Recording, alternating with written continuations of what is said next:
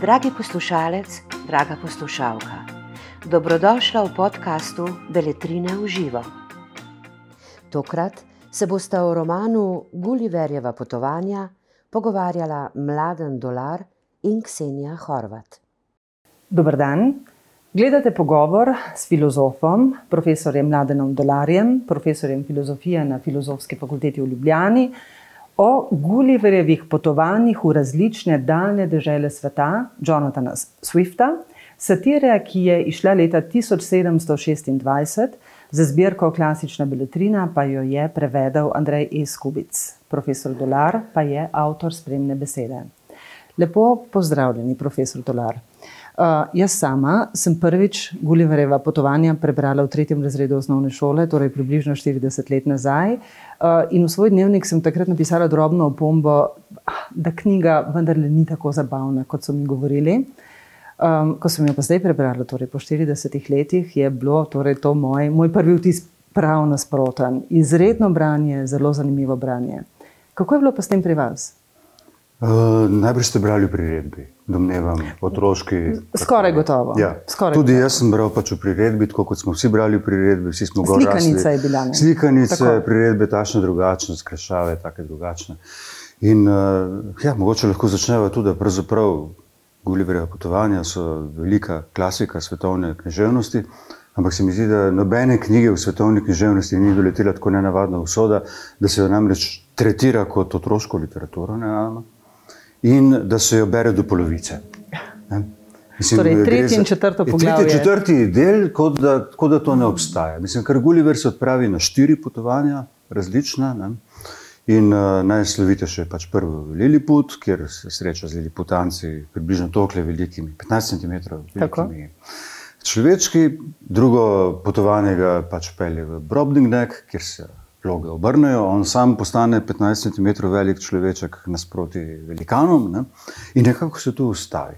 Seveda, te dve, ta dva dela sta zelo učinkovita, nagovarjata domišljijo.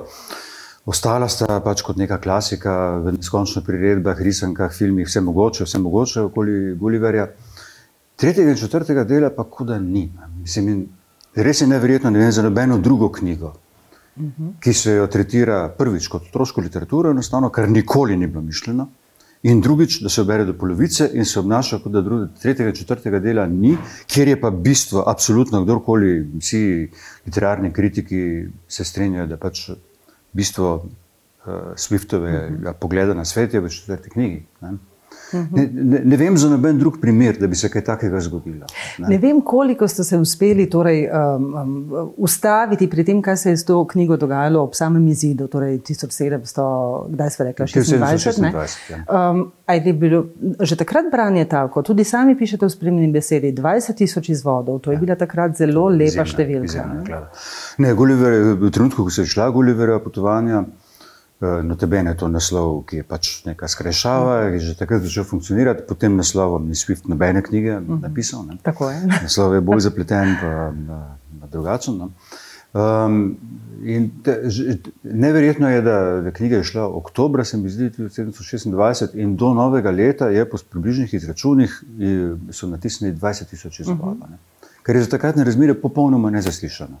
Tudi danes je Če vredno. danes bi bilo popolnoma neverjetno. Ne? Mislim, dobro, takrat so bile tudi zmožnosti tehnične produkcije knjig toliko manjše, občinstva branega je bilo toliko manjše, pismenost je bila toliko nižja. Mislim, to, to so res neverjetne številke. To je ena največjih uspešnic v zgodovini angleške literature in se, mi zdi v zgodovini svetovne literature. ne. Ampak že takrat je bilo tako, ne, da so, vsaj kot pravi uh, angliška literarna teorija, torej, da so jo brali od, od osnovnih šol do, do resnih, starejših, izkušenih bralcev. Um, ja, najprej naj rečem, da je to bil 18. stoletje bil nek boom branja. Ne? In leta 1719 je Defoe izdal eh, Robinsona Cruza, ki je bil do takrat največja uspešnica sploh. Ne? In uh, sedem let kasneje ga je nadkrilil uh, Swift. Ne? Uh, da ne govorimo kasneje o te znamenite zgodbe Rousseau, Nova Eloiza, kako sploh niso mogli do, doseči, uh, da dohajati uh, potrebe bralstva. Mislim, tako mesece in mesece niso, niso imeli tiskar, niso imeli tehničnih možnosti, da bi strašno potrebo bralstva lahko lahko Zadostili, zadovoljili. ne? Ne? In uh, 18. stoletje je stoletje branja in žeje po branju. Mhm. Uh -huh. in, Ja. Ampak zanimivo je, če pogledamo torej 1726, eh, pri nas v tistem času so se recimo razsvetljenci šele rojevali, eh, naprimer, um, torej Valvazorja ni bilo več takrat, ne vodnika tudi Glede, ne. naš, Torej, naš čas, naš čas mislim, naše, naše konkretne razmere so zelo, zelo specifične. Konec koncev so pač slovenski protestanti v letih od 1550 do 1600 to državo napolnili stotnijo knjig. Uh -huh. Iz, v tudi relativno visokih nakladah za takrat eh, pač, eh, malo razširjeno pismenost. Po letu 1600 pa je pač pro- protireformacija stvar pričakala z ognjem in mečem, pokurili so vse knjige, vse protestantske knjige, razen Biblije. In za naslednjih 150 let ni šla nobena slovenska knjiga. ne. Tako. Se Pravi, to, Torej, imamo neko obdobje. Tako, tako drastično. Uh -huh. Tako drastična eh, zgodba, zgodovina, slovenska kulturna zgodovina je, mislim, takega, take usode nima noben drug narod. Ker leta 1550 s Trubarjem smo bili v živem kontaktu s takratnim dogajanjem v Evropi. Uh -huh. potem pa 150 let. Potem pa 150 let popolna, popolna prekinitev. Ne? Ja. Dobro je bil nek osemelec uh, Valvazor, ki je pač uh, iz svojega interesa. In Valvazor, notabene, notabene je bil del The Royal Society. Mislim, Mhm, seveda, em, seveda. To, to ni, ni čisto nepovezano z Gulliverjem. Aha, aha. Uh, mislim, bil je pač v zvezi z znanstveniki svojega časa.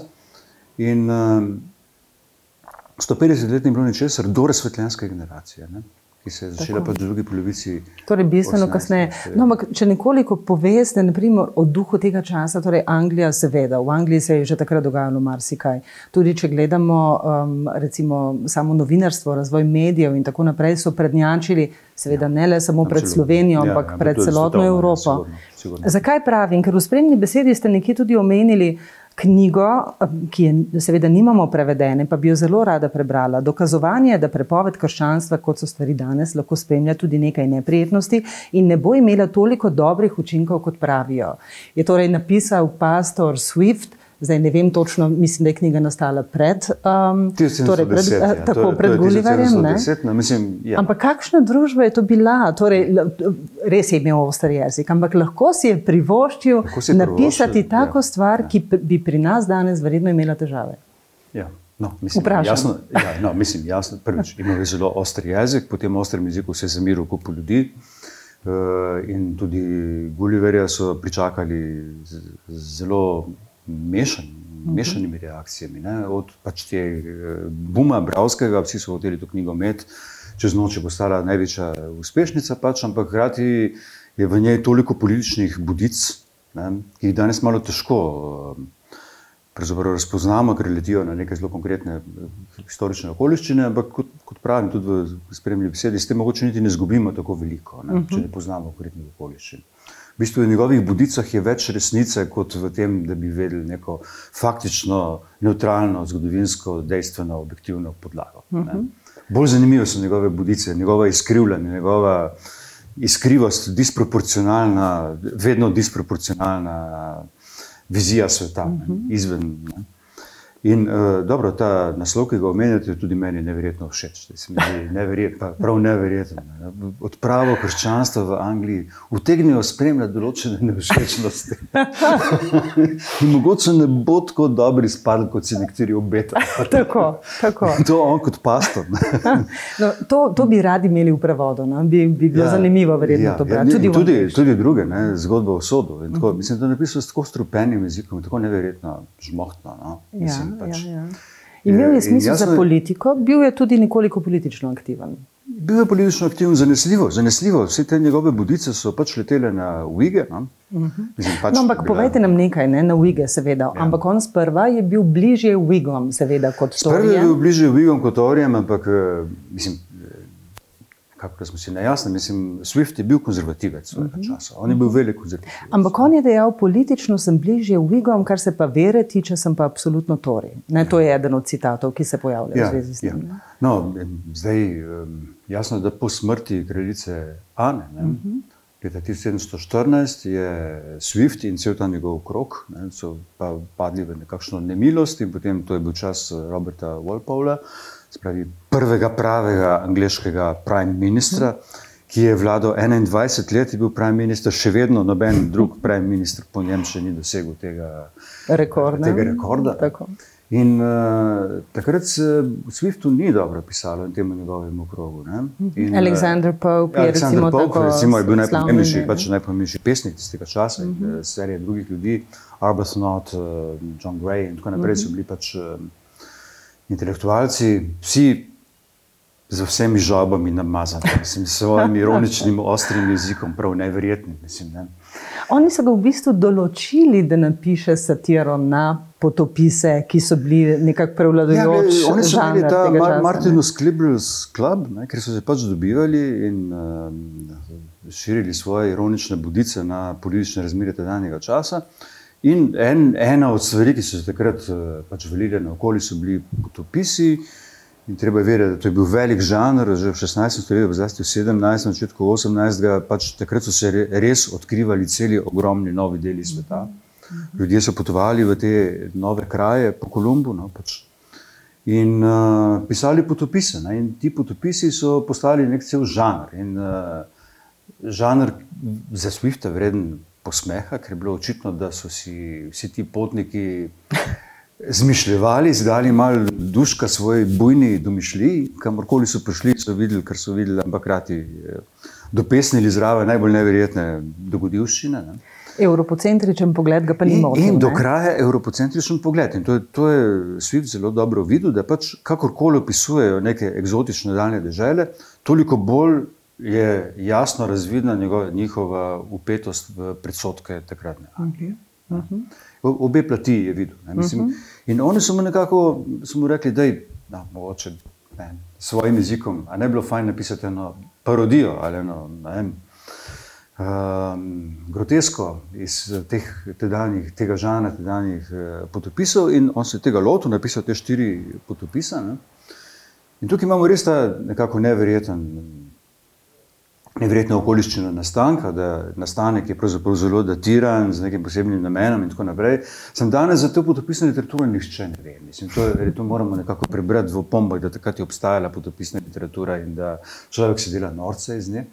Ampak parodija na to potopisno literaturo živa. je pa ostala. Ne? Je ostala, ker je napisana s tem briljantnim umom, s, te, s tem briljantnim smislom za grotesko, za disproporcionalno, za izkrivljanje realnosti. Tisto izkrivljanje realnosti, ki šele pravo realno jedro pri tebi pri, privede na dan. No, vi pišete to zanim, zelo zanimivo torej, o tem zamiku perspektive, ne? Ja. paralaksa. Kaj on s tem pravzaprav doseže? Torej, najprej, no, vse boste vi razložili, da ne bom, da ne bom jaz izkrivljala vaših besed. No, mislim, jaz sem temu te spremembe besede dal naslov pač paralaksa, ki je malo tehničen termin, ki izhaja iz astronomije, ampak pa- recimo za te potrebe je paralaksa pač pomeni zamik perspektive, se pravi, da neko stvar lahko pogledamo iz dveh radikalno različnih perspektiv.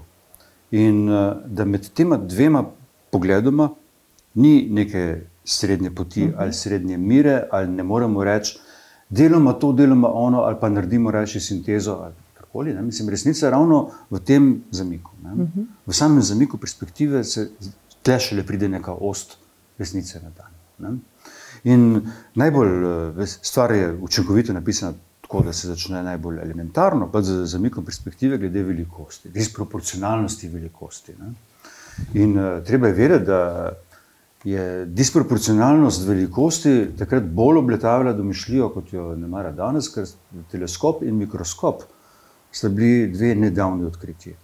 In to, da se je pač človeštvo nekako prišlo do mikroskopov in teleskopov, je popolnoma spremenilo um, razsežnosti našega univerzuma, proporcije našega univerzuma. Mislim, prišlo je v splošno zavest ljudi, hej, z enega gledišča smo neskončno majhni, z drugega gledišča smo neskončno veliki, obstajajo mikroskopsko majhne stvari, ki jih sploh ne. ne do včeraj nismo vedeli, da obstajajo. Zbravi, ta zamik perspektive je bil upisan v duh dobe, v neko splošno izkušnjo duha dobe, intelektualno izkušnjo duha dobe. In, in s tem pač uh, Swift začne, ne, z tem, da najprej smo disproporcionalno veliki v razmerju do teh liliputancov. In seveda zaporedje je pomembno, no, ker začne pač uh, tako, da pravzaprav godi našemu lastnemu samoljubju in megalomaniji. ne. a, mi smo velikani, oni so tam pritlikavi. Ne. Vsakdo se vidi nekako malo uh, polaskan s tem, kako je pač uh, Gulliver v razmerju do enih tam majčkenih, kratko, ali putancev in tako naprej. Ne.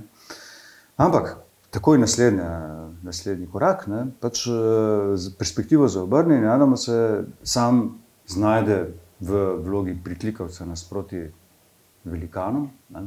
Naravno, sam izkusi, kaj pomeni biti pritlikavec in nemočan v razmerju do nekih sil, ki ga daleč presegajo. In uh, hkrati je v tem, uh, v tem nesorazmerju velikosti tudi nek, nek njegov moralni. Moralna podstat, moralni nauk, implikacija, da pač fizična velikost in majhnost ima moralne implikacije, bili putanci, ne samo, da so fizično majhni. Ampak, če pogledamo to njihovo družbo, je pač to družba, ki jo preveva kleče plazenje, povspetništvo, ljubosumnost, okrutnost, Pohlep. mislim, vse pohlep. Ošabnost, Vse, ja, ošabnost, vse to, vse, to vse, vse slabe plati naše družbe pridejo tle v miniaturi na dan. Ne? V nekem miniaturnem teatru uprizarjajo naše, slabe plati naše družbe. Ja. ne. Na drugi strani pa so v Brobdingnegu pač ti Velikani, ne, ne. so konec koncev tudi moralno velikani v razmerju do nas. Uh Mhm. -huh. so, živijo v neki družbi, ki je pravična, še bolje urejena od naše. Ne?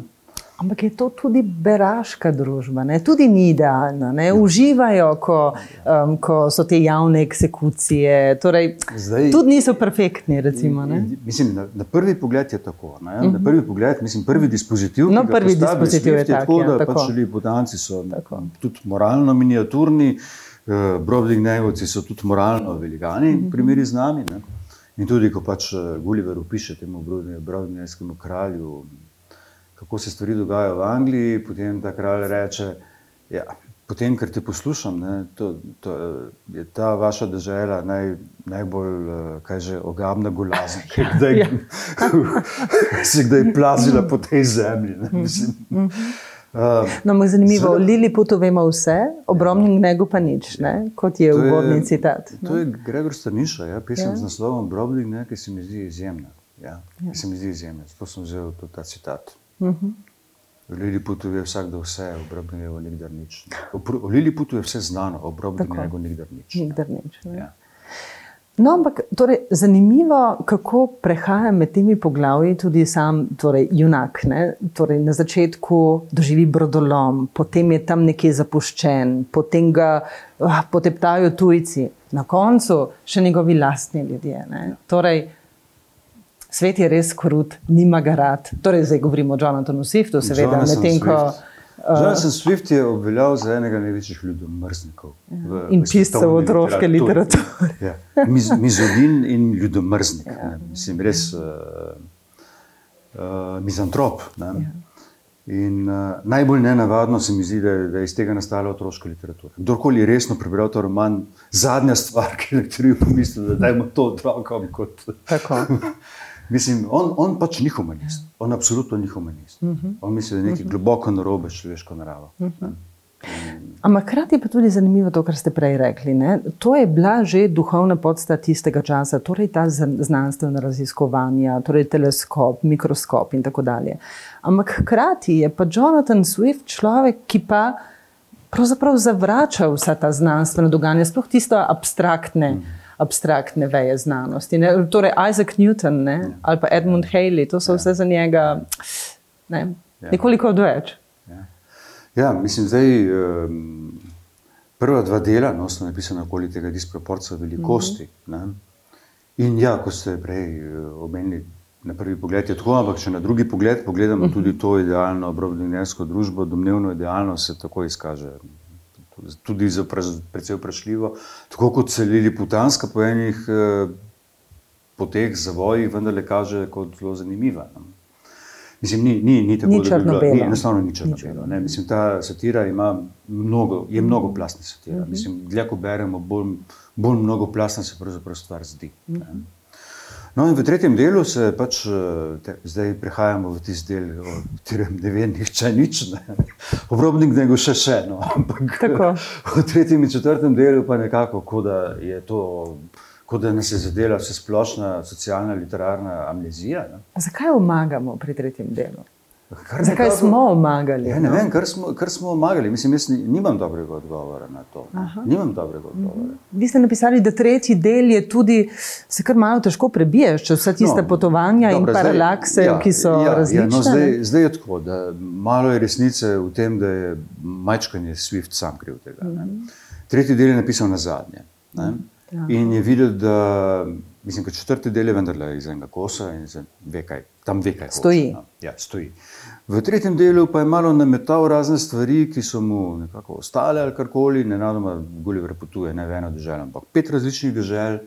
Od tega je ena Japonska, mislim, da boh pomaga, kje je naša Japonska. Mislim, Edina edi- realna. edina realna država v celi, država v celi knjigi. ne. Kaj tam to pove o njegovem odnosu do Japonske? Je Bizarno, no, vsekakor. Bizarno. Ne. In uh, če poskušamo eno rdečo nit izluščiti iz tega tretjega dela, ne, potem je natančno ta, o kateri ste govorili, no, da pač uh, Swift globoko pripada seveda obdobju razsvetljenstva, ampak ob enem zelo kritično in skeptično pripada tej svoji dobi. In predvsem kritično in skeptično v razmerju do novo, novoveške znanosti. In njemu je pač uh, ta eh, velika združba eh, znanstvenikov, takratna z Isaakom Newtonom na čelu. Mm -hmm. Isaac Newton je umrl nekako tistega leta, ko je šel uh, Gulliverjevo Gulliver. Mogoče let, leto, tam, tam, Tam nekje. nekje. Tam nekje mm -hmm. In Humboldta še ni bilo, se je pa nakazoval. Humboldta še ni bilo. Uh, 1687 se mi zdi, je Isaac Newton, pač princip je matematika, ki je pač uh, ena utemeljitvenih knjig sodobne fizike, mislim, svet je napisan v matematičnem jeziku. Ne. In konec koncev, če pogledamo zgodovino sodobne fizike od Galileja preko Newtona in naprej, je to zgodovina pač nekega razbijanja, razgradnje, dekonstrukcije vsakdanjega izkustva. Ne.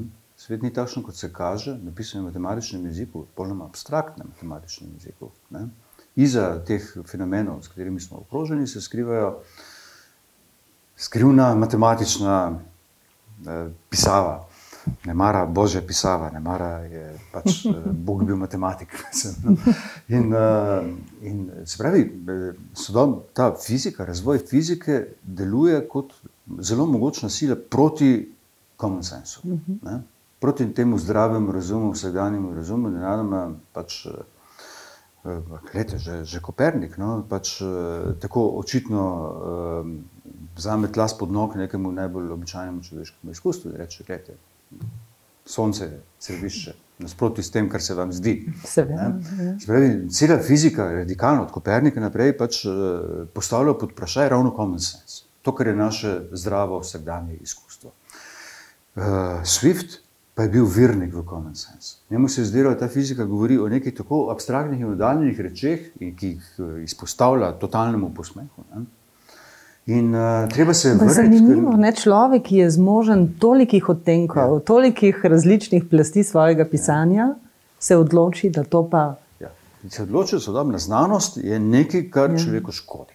Ne? Škodi nekemu osnovnemu, naravnemu, moralnemu čutu, nekemu osnovnemu, praktičnemu načinu, kako živeti v tem svetu, in temu bi morali ljudje pač po njem slediti, če bi nekako skušali izpostaviti direktno, naravno, z, pač, v klartekstu, z, z, z, z njegovo poanto. Ne?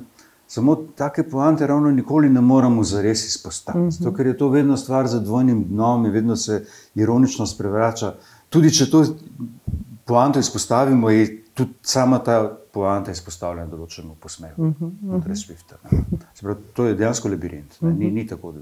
Ampak v, v tretjem delu je, ja, poanta bi bila točno v tem, da pač eh, držimo se našega common sensa, našega vsakdanjega izkustva in našega moralnega, naravnega moralnega čuta, in ne se pustiti izkoreniniti vsem teh tehnološkim čudesom in novim čudnim, abstraktnim spoznanjem o svetu, ki jih zdaj tle forsira moderna znanost.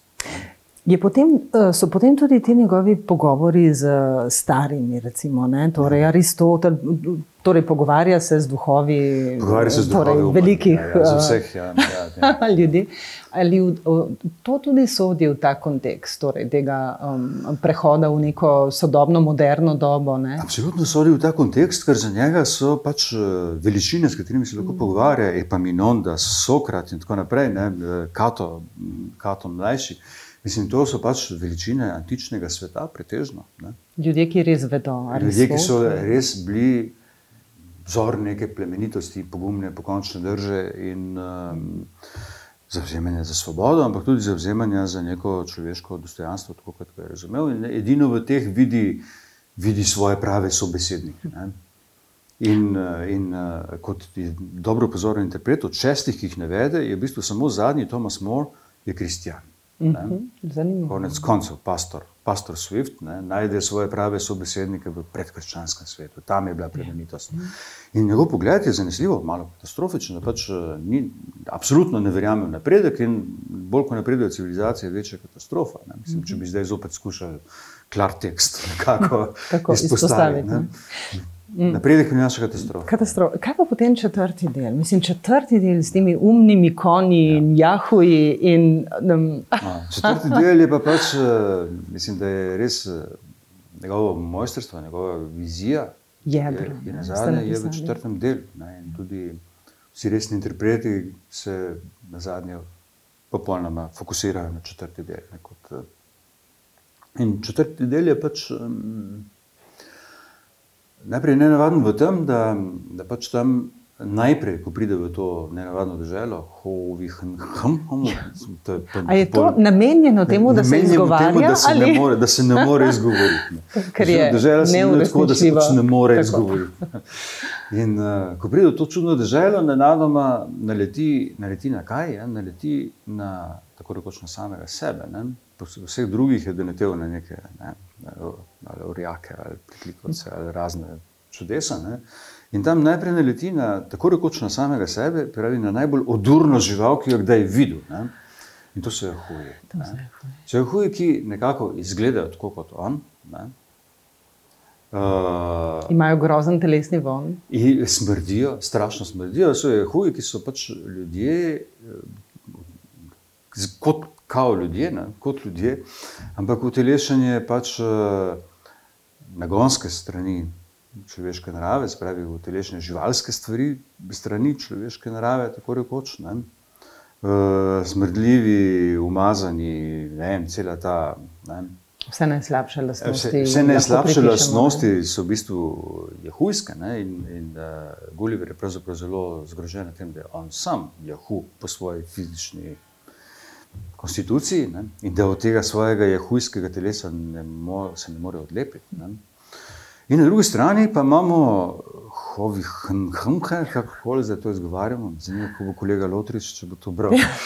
No, to bo Kako zdaj. se bo- Veste kaj, on se bo sigurno On se dobro bo znašel, znašel. dobro. Kako se bo lomil jezik za to besedo. Um, eh, ki, so, ki so pa konji. ne. Se Pravi, oni so konji, plemeniti konji na svojem konjskem jeziku. Ne. Mi pa pravimo, ne, kakšen kon si. Ja. No, in, in konji so pač eh, nek vir ja, vrline, plemenitosti, ne, eh, naravne uporabe pač uma, ne, take, ki ne sega preko, um, preko meja. No. Mislim, da en, ena od poant, ena od poant Gulliverja bi lahko razumeli tako, ne segaj preko svojih meja. Ne, ne segaj preko svojih meja. To, kar veš, je dovolj. Ne, ne poskušaj vedeti tistega, kar je onkraj, kar je presega naše zmožnosti. ne. Na tem pogledu, ja, mislim, je, je Swift konzervativec, seveda. seveda ne. In eh, dobro, ti hovi hmhmhi so pač eh, ti totalno plemeniti konji, in ki jih eh,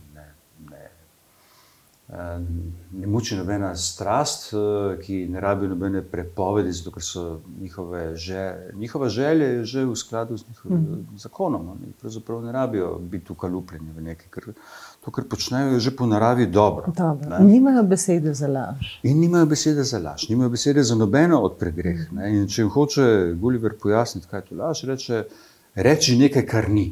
Ne? Pa jim to ne gre čisto v glavo, kako je mogoče reči nekaj, kar ni. Ne? Um, in kadarkoli rabijo kakšne negativne besede v svojem besednjaku, v svojem jeziku, pravzaprav vse te negativne besede in lastnosti lahko dobijo samo od Jahoja. Spravi, oni v njihovem univerzumu ni nobene hudobije, laži, karkoli, prevarantstva. Sploh, nekoliko je to tudi svet apartheida, ne? oziroma nekoliko. Ne? No, svet apartheida. Najprej je, mislim, najprej masovno je pač očitno, da je zamik perspektive v tem, da pač konji tam tretirajo ljudi tako, kot mi tretiramo živali. Se pravi, to je, to je prva, prvo pravilo igre v tem, v tem zadnjem četrtem delu. Ne? In uh, tretirajo kot vlečno živino, tam maltretirajo na vse mogoče načine, pre, prezirajo popolnoma in v enem trenutku mirno razglabljajo o tem, pravzaprav je to taka nadloga, ne bilo bož, da bi se jih snepili. Kaj predlagajo, kaj rečem, holokaust. Dajmo se, da, dajmo jih, ti je huj, to je grozno, da, dajmo se res ne biti. Ne? Pa se nekako odločijo, da ne, ne, ampak mislim, to se jim zdi popolnoma. Ne? Nič problematičnega. Nič problematičnega. In, uh, Orwell, ki je napisal, George Orwell, ki je napisal sjajne seje o guljivih potovanjih, pravi, da ja, pogledajte, obravnavajo malo tako jahuje kot nacisti jude. Ne. In poleg tega je ta hovijska plemenita družba tudi znotraj segregativna, pravi kastna na nek način, zato ker so pač konji eni, sivci, belci, črnci po svoji barvi, so pravzaprav naravno predisponirani za tiste za više sloje ali za niže sloje, in se noben ne protivi, ne? Mhm. noben se ne mhm. razbure na tem, da pravzaprav po naravi pripada določenemu sloju. Ne? Tako da, seveda, z našimi očmi gledano je to družba, ki je v sebi ja, neskončno dobra in tako naprej, ampak spontano, spontano rasistična. In tukaj je nek uh, moment, ne mara, ker uh, tako kot Swift izpostavlja preko spontane predsotke vse čas. Ne mara pa tukaj vidimo njegov vlastni predsodek. Nekje, ne? Mhm. Izpost, mhm. tako da ga on sam nekako ne. Jonathan Swift. Ja. Jonathan Swift. Uh, Mislim, nujno branje, ne, bi človek rekel. Nujno branje. Od začetka do konca. Nujno branje. Ne, še to bi rekel o, o Jahujih. No. Uh, Jahu še obstaja, um, torej kot podjetje. Jahu kot podjetje, Mislim, da so. Obstaja, Jahu je, Jahu ampak imajo težave. Ne, danes težave, so. Dan, ja, ampak kot ima Jahu podjetje za svoje ime. Mislim, to, kar je zanimivo pri Jahujih, ne, je. Na prvi pogled je videti, da, da je to pač naš davek naravi. Ne naš, naša živalska nekako, podstat, od katere se ne moramo odlepiti. Uh -huh. Ampak na drugi pogled, če pogledamo, mislim, je huj, tisto, kar je narobe za huj, sploh ni to, da so živali. Ne? To bi bilo ok, če bi živali. Ne? Uh -huh. Narobe je to, da so degenerirane živali, uh -huh. da so živali, sprijene živali. So, to, so živali, ki se ne držijo naravne mire potrebe, ne? ki nimajo naravne mire. To so živali, ki segajo preko svoje narave. In v tem je dobro, nekako tudi ne, ne mara Freudovska pač, eh, poanta te zgodbe. No? Mislim, imamo ljudi, smo opremljeni za nagoni, ki segajo preko naravne mm -hmm. potrebe. Ne? In je huj, hoče način uteleša ravno to nagonsko plat seganja preko vsake mire, ne? preko, preko naravne mire v raznih. Torej, ni rešitve. Ni rešitve. Uh, Swift ne ponudi nobene rešitve nikjer. Ja, mislim, je konec, je. konec je tako ironičen, da bi ne mogel biti bolj. Ne. Mislim, ta uh, Gulliver, ki skozi prva tri potovanja je vse čas isti, ne. nekako, karkoli se mu zelo bizarnega zgodi, ekstremnega in tako naprej, on je, on je unperturbed, ne, mislim, je pač uh, mal nek naivni. To, to, to je nasprotje Bildungsromana. Mm -hmm. Bildungsroman je ravno to, da si junak skozi svoje uh, peripetije, dogodke, izkustva spremenja. Razvija rase. Ja. Ja, on, on se skozi prve tri dele ne spremeni nič. Ne. Kar koli se mu zgodi. Od začetka do skoraj do konca. On je galibil. On je galibil. Ja. In tudi pravilna, pač sama, sama izgovorjava beseda je Gulliver. Uh mhm. -huh. Seveda ni Gulliver. Ni Gulliver, kot smo se Gulliver, navadili ja. tukaj, je pač uh, Gulliver pomeni pač uh, lahko viren. Uh mhm. -huh. Ampak nenadoma v četrtem delu pa vendarle ga eh, pre, preveva spoštovanje, občudovanje teh uh, ljudi, teh eh, konjev, brez slehrne strasti, plemenitih živali in nenadoma jim hoče biti enaki, ampak jim zaradi svojega jehujskega telesa ne more. Ne. In ko se vrne nazaj v Anglijo, mu nazaj v jahujsko družbo svojo, mu vsi ljudje tako smrdijo in se mu zdijo tako grozni, da še svoje žene in otrok ne more prenašati. Ne? In se pač preseli v štalo z dvema konjama in se vsak dan z njima štiri ure pogovarja. Ampak na koncu dovoli ženi in Na otrokom, koncu, da na se koncu vrnejo. nekako pride do neke, neke izsiljene sprave, da bo pa vendarle sprejel svojo ženo, pa bo vendarle nekako poskusil živeti v tej grozni jahujski družbi. kakor- Uporabili ste besedo sprava. Profesor Dolar, hvala lepa za, ta zanimivi, za to zanimivo razmišljanje o knjigi. Um, mislim, da bom nekatere zdaj stvari še enkrat šla prebrati, potem ko sem se pogovarjala z vami. Hvala lepa. Hvala vam. Najlepša hvala za vašo pozornost. Za več knjižnih vsebin vas vabimo na www.beletrina.si in v našo knjigarno na Starem trgu 3 v Ljubljani.